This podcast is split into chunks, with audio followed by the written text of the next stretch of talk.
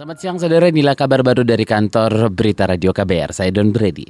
Presiden Joko Widodo sudah menandatangani keputusan Presiden tentang cuti bersama pegawai negeri sipil tahun 2019 termasuk cuti lebaran. Di Kepres itu tertulis cuti bersama lebaran ditetapkan 3, 4, dan 7 Juni 2019.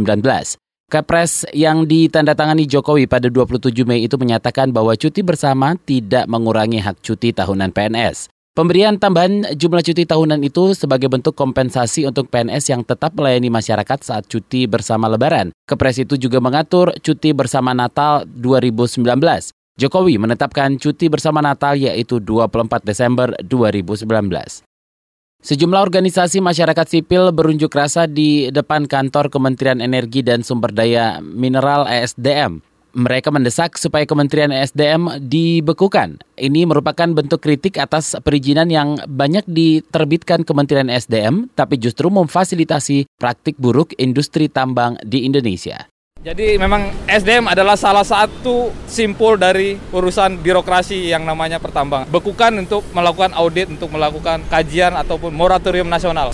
Segala bentuk kebijakan, mulai dari penyederhanaan perizinan, pemberian izin di kawasan hutan, di, di kawasan padat penduduk yang mengancam, yang sudah sebenarnya sudah banyak buktinya bahwa anak-anak meninggal di luang tambang karena izin itu berada di kawasan padat pemukiman. Aksi unjuk rasa hari ini diikuti lebih dari 30 orang dari sejumlah organisasi masyarakat sipil seperti Jatam, Greenpeace Indonesia, Walhi Jakarta, dan lainnya.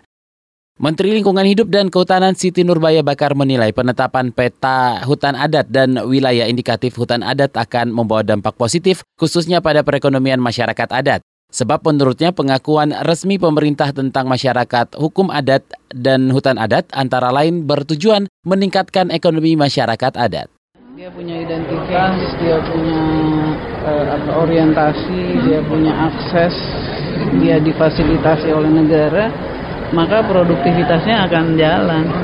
Jadi pada dasarnya ini jalan untuk citizenship. Jadi untuk dia uh, dia dihargai, dia punya apa? Dia punya identity sebagai warga negara dan dia uh, dia punya ruang untuk produktif. Menteri Lingkungan Hidup dan Kehutanan Siti Nurbaya Bakar menambahkan potensi nilai ekonomi yang bisa dihasilkan oleh masyarakat adat di hutan adat juga sangat tinggi.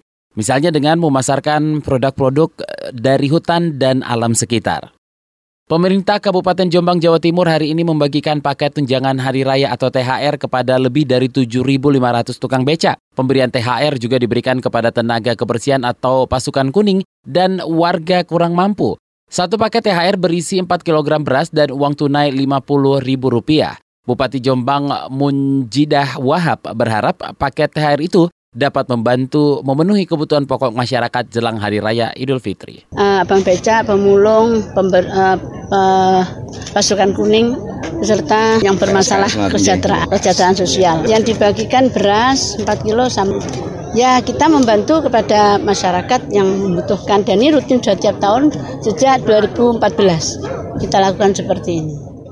Pembagian paket THR dilaksanakan di lapangan kantor Pemkap Jombang, Jawa Timur. Pembagiannya memakan waktu tiga hari. Khusus untuk tukang beca yang sudah menerima paket THR, petugas memberi sedikit tanda cat merah pada becaknya.